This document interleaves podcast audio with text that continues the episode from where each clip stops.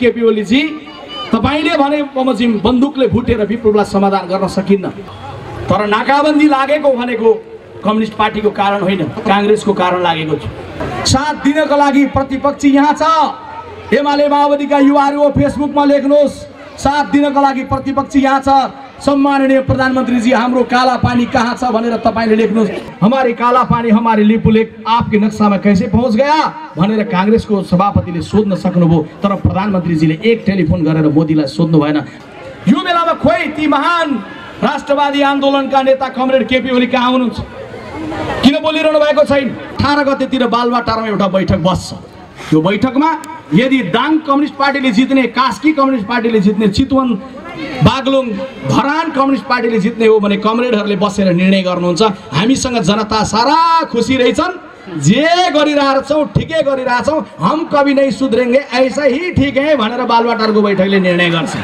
तर यदि दाङबाट परिणाम दिनुभयो भने सांसद त केशव आचार्य बन्नुहोला तर सच्ची नै कर्म चाहिँ केपी ओलीले गर्नुहुन्छ। किनभने बैठक बस्छ उहाँहरूको बैठकमा छलफल हुन्छ।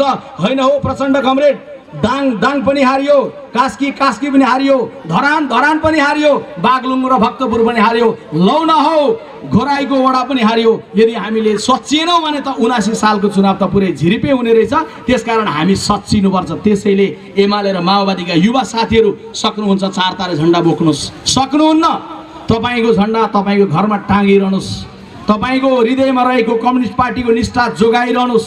मार्क्सवाद लेनिनवाद जिन्दाबाद भनिरहनुहोस्।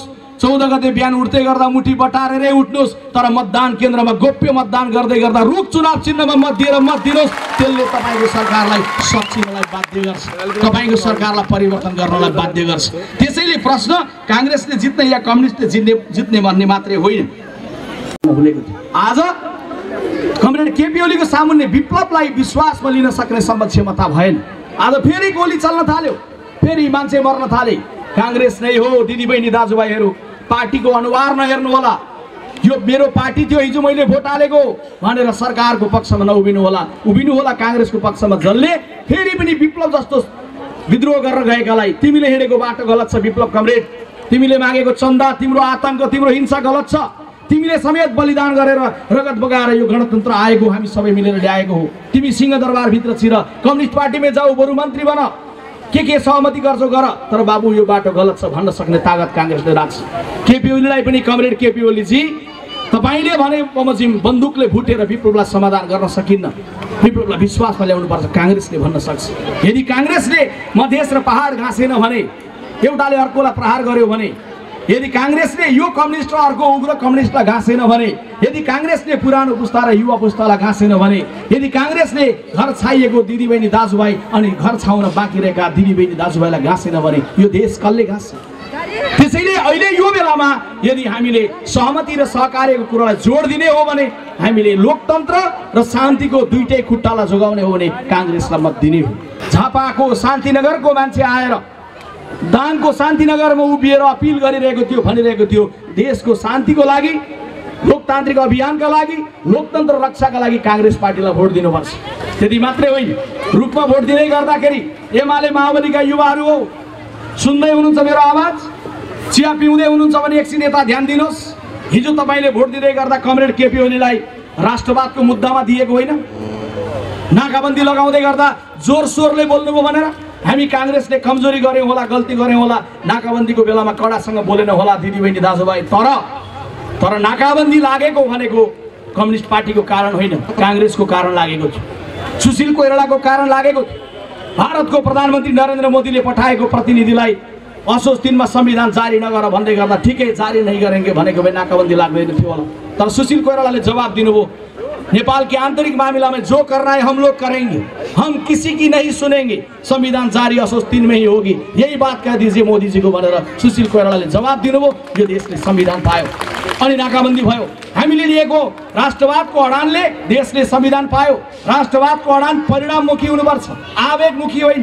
त्यो परिणाममुखी भयो हामीले लिएको अडानले देशले संविधान पायो। केपी ओलीले लिनुभएको अडानले कम्युनिस्ट पार्टीले भोट पायो। देशले के पायो? बेलामा त्यसैले म आग्रह गर्न चाहन्छु। यो बेलामा खोइ ती महान राष्ट्रवादी आन्दोलनका नेता कमरेड केपी ओली कहाँ हुनुहुन्छ? किन बोलिरहनु भएको छैन?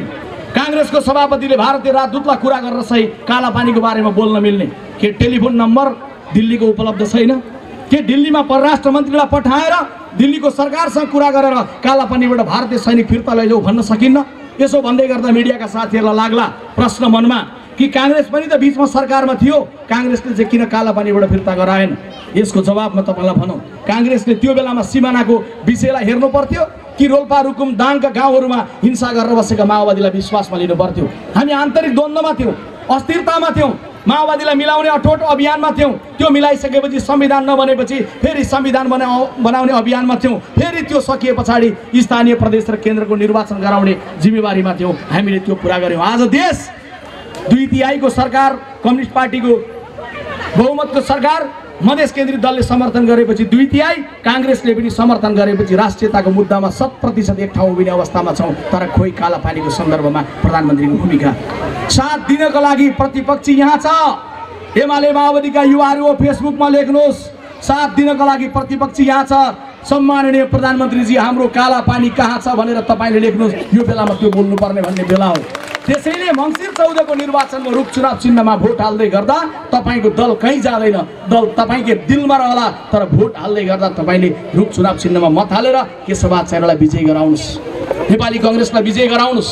केशव आचार्य राजनैतिक निष्ठाका साथ आफ्नो जीवन आजको दिनसम्म आउँदै गर्दा कुनै प्रश्नको घेरामा नपरेको एउटा जिम्मेवारी जीवनमा पहिलोपटक यो ढङ्गको जिम्मेवारी लिएर जाँदै गरेका आवाज हो। तपाईँले दिने एउटा मतले सरकार बदलिँदैन। तर सरकारलाई बदल्ने गरी सरकारको शैली बदल्ने गरी सरकारलाई सच्याउने गरी यसले सन्देश दिन सक्छ। त्यसकारण यो निर्वाचन कसैलाई लाग्ला कि यो काङ्ग्रेसका लागि अवसर होइन दिदीबहिनी दाजुभाइहरू? हामी त प्रतिपक्ष थियौँ रहन्छौँ रचनात्मक ढङ्गले जान्छौँ। तपाईँलाई लाग्ला यो अवसर सरकारका लागि होइन? यो अवसर सरकारको लागि पनि होइन। यो उपनिर्वाचन सबैभन्दा बढी मतदाताका लागि अवसर हो। मतदाताले यो एक्काइस महिनाको बिचमा काङ्ग्रेस कसरी चल्यो जिम्मेवार प्रतिपक्ष भयो भन्ने लाग्छ भने काङ्ग्रेसलाई मत दिनुहोस्। यदि तपाईँलाई लाग्यो कि यो एक्काइस महिनामा तपाईँको सपनाहरू पुरा गर्ने ढङ्गले कम्युनिस्ट पार्टीले कर्म गर्यो भन्ने लाग्यो भने कम्युनिस्ट पार्टीको समर्थनमा मत दिनुहोस्। यो तपाईँको लागि अवसर हो मतदाताको लागि। कसैलाई लाग्ला? कि मङ्सिरको चौध गते त निर्वाचनमा भोट हाल्नुभन्दा मेरो त नेपालगञ्जतिर काम छ। मेरो त काठमाडौँतिर जाने काम छ। मैले त भोट हालेर एक भोट हाले पनि म जित्ने होइन। मेरो लागि यो निर्वाचनको के महत्त्व छ? मैले भोट हाले पनि केही छैन नहाले पनि केही छैन भन्ने होइन। यो निर्वाचनमा अघिल्लो निर्वाचनमा जसले भोट दिनु भएन मैले भोट नदिएर त्यस बेला गल्ती गरेछु म भोट दिन चाहन्छु भोट दिँदै गर्दा मैले अर्कै चुनाव चिन्हमा भोट दिएँ होला तर अहिले म सोचेर दिन्छु किनभने मैले सरकार बनाउनलाई मत त अस्ति नै दिइसकेँ। त्यो बमोजिम सरकार छँदैछ त्यो बमोजिम प्रतिपक्ष छँदैछ तर प्रतिपक्षले ठिक गर्यो या गरेन सरकारले ठिक गर्यो या गरेन फैसला गर्ने भएको हुँदा म आधी आउला हुरी आउला चट्याङ पर्ला मङ्सिर चौध गते सारा कुरा छोडेर भोट दिनलाई म जानेछु भन्ने मनोविज्ञान मतदाताहरूले सबैले राख्न जरुरी छ। नेपाली काङ्ग्रेस पार्टी एक्काइस महिना दस दिनको बिचमा तपाईँलाई लाग्यो कि काङ्ग्रेस पार्टी प्रतिपक्षमा रहेर मेरो पार्टीलाई असह्य गर्यो भन्ने लाग्यो भने काङ्ग्रेसलाई भोट नदिनुहोस्। तपाईँ सोच्नुहोस् त। तपाईँले भोट दिएको सरकारलाई तपाईँले बनाएको सरकारलाई के काङ्ग्रेसले काम गर्न अप्ठ्यारो पार्यो? के काङ्ग्रेसले कहीँ समस्या पार्यो? काङ्ग्रेसले के संसदमा रोस्टम घेरेर तोडफोड गर्यो? रोस्टम घेर्यो होला आवश्यकता अनुसार तर के रोस्टममा एउटा मात्रै कुर्सी भाँच्यो? भाँचेन। तपाईँले सम्झिनुहोस् अडचालिस सालको प्रतिपक्ष कस्तो थियो? काठमाडौँबाट के अपिल आउँथ्यो? काठमाडौँबाट त्यो पार्टीको प्रवक्ताले के भन्नुहुन्थ्यो? सत्तारूढ तत्कालीन प्रतिपक्षी नेताहरूले के भन्नुहुन्थ्यो? उपत्यका बन्द उपत्यका बन्दको समाचार सुन्नुहुन्थ्यो। टायर बलेको सुन्नुहुन्थ्यो। नेपाल बन्द घोषणा हुन्थ्यो। तपाईँ अनि तुलसीपुरको बजार यहाँको गाउँहरू बन्द गर्नलाई निक्लिनुहुन्थ्यो। एक वर्षको दुई वर्षको अवधिमा तत्कालीन नेकपा एमाले बाह्र पटक उपत्यका बन्द र नेपाल बन्द गरेर बाह्र पटक गर्यो। अरबौँ रुपियाँ बराबरको टेलिफोनको क्याबिनेटहरू भत्कायो काठमाडौँका रेलिङहरू भत्कायो। रेलिङहरू भत्कायो तर नेपाली कङ्ग्रेस पार्टीले के तपाईँले सुन्नुभयो? दाङको बजार बन्द गर्नलाई काङ्ग्रेस यस बिचमा आएको? हामीसँग के मुद्दा थिएन? कि हामीलाई बन्द गर्नका लागि हामीसँग शक्ति थिएन तर काङ्ग्रेस पार्टीले बन्द गरेन। बन्द गर्नुपर्दा बुढी गण्डकी किन दियौ चिनलाई भनेर किन दियौ बिना प्रतिस्पर्धा विदेशको एउटा कम्पनीलाई भनेर हामी बन्द गर्न सक्थ्यौँ? निर्मला पन्तको हत्यारा नभेटेर सरकार कहाँ हराएको छौ तिमी भनेर सरकार खोज्नलाई उपत्यका बन्द गर्न सक्थ्यौँ। दिदीबहिनी दाजुभाइहरू नेपाली कङ्ग्रेस पार्टीले गरेन। अहिले भर्खर पनि तपाईँ देख्दै हुनुहुन्छ। भारत सरकारले नेपालको लिपुलेक लिम्पियाधुरा र काला पानीलाई आफ्नो नक्साभित्र राखेर नक्सा सार्वजनिक गर्यो। काङ्ग्रेसको सभापतिले भारतको राजदूतलाई टेलिफोन गरेर क्या है महामहिम जी कैसी बात है ये? हमारी ना, नाला पानी हमारी काला पानी हमारी लिपुलेक आपके नक्सामा कैसे पहुँच गया? भनेर काङ्ग्रेसको सभापतिले सोध्न सक्नुभयो तर प्रधानमन्त्रीजीले एक टेलिफोन गरेर मोदीलाई सोध्नु भएन। हामीले उपत्यका बन्द होइन नेपाल बन्द यो मुद्दामा गर्न सक्थ्यौँ। तर यदि हामीले बन्द गरेको भए के हुन्थ्यो दिदीबहिनी दाजुभाइहरू? त्यो बन्द गर्दै गर्दा देशले एउटा बाटो लिएको बेलामा फेरि नयाँ खालको द्वन्द्व प्रारम्भ हुन सक्थ्यो। काङ्ग्रेसले सोच्यो सरकारले कमजोरी गर्ला संसदमा शालीन ढङ्गले राखौँ सार्वजनिक रूपमा शालीन ढङ्गले बोलौँ जिम्मेवार भूमिका निर्वाह गरौँ तर संसदमा तोडफोड नगरौँ सडकमा तोडफोड नगरौँ। हामीले बन्द गरेको भए सायद यस्तो हुन सक्थ्यो दिदीबहिनी दाजुभाइहरू।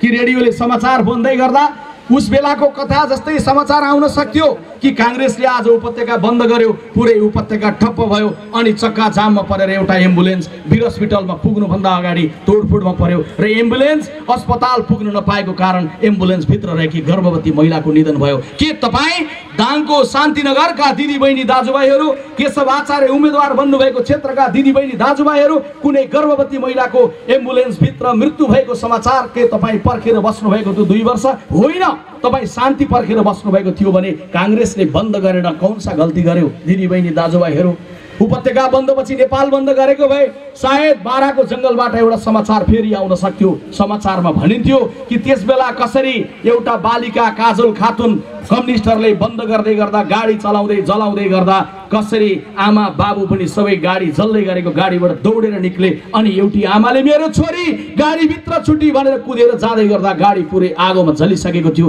जल्दै गरेको थियो र तिन वर्षका बालिकी बालिका काजल खातुन त्यो गाडीभित्र जलेर मरिन्। के काङ्ग्रेसले प्रतिपक्षको रूपमा यस्तै गर्नु पर्थ्यो। दोकानमा चिया पिउँदै हुनु होला घरभित्र कोठामा हुनु होला कहीँ साथीसँग गफ गर्दै हुनु होला काङ्ग्रेसले भन्यो काङ्ग्रेसको कुरा सही काङ्ग्रेसले भन्यो आफ्नै कुरा सही भन्छ भन्नु होला म सही र गलत होइन देशको तथ्य राखिरहेको छु देशको इतिहास राखिरहेको छु। काङ्ग्रेसले यो गरेको भए तपाईँकी छोरी नभए पनि कुनै एउटा नेपाली आमाले जन्माएकी सानी छोरी गाडीभित्र जल्दै गर्दा के हुन्थ्यो होला? काङ्ग्रेसले जिम्मेवार भूमिका एक्काइस महिनाको बिचमा राखेको छ। कमजोर भयो भन्ने आरोप सुनेको छ। कमजोर भनेको आरोप लाग्दै गर्छ हामी सुन्दै गर्छौँ दिदीबहिनी दाजुभाइहरू। तर जनतालाई दुःख दिने गरी ध्वंसमा तोडफोडमा हिंसामा हामी जाँदैनौँ भन्ने हाम्रो वचनबद्धता हो। त्यो वचनबद्धता के? हामीले गलत गरेका हौँ भन्ने हो भने कम्युनिस्ट पार्टीलाई भोट दिनुहोस्। सही कर्म गरेको काङ्ग्रेसले भन्ने हो भने अझै बलियो बन्नलाई रुख चिन्हमा भोट दिएर केशव आचार्यलाई विजयी गराउनुहोस्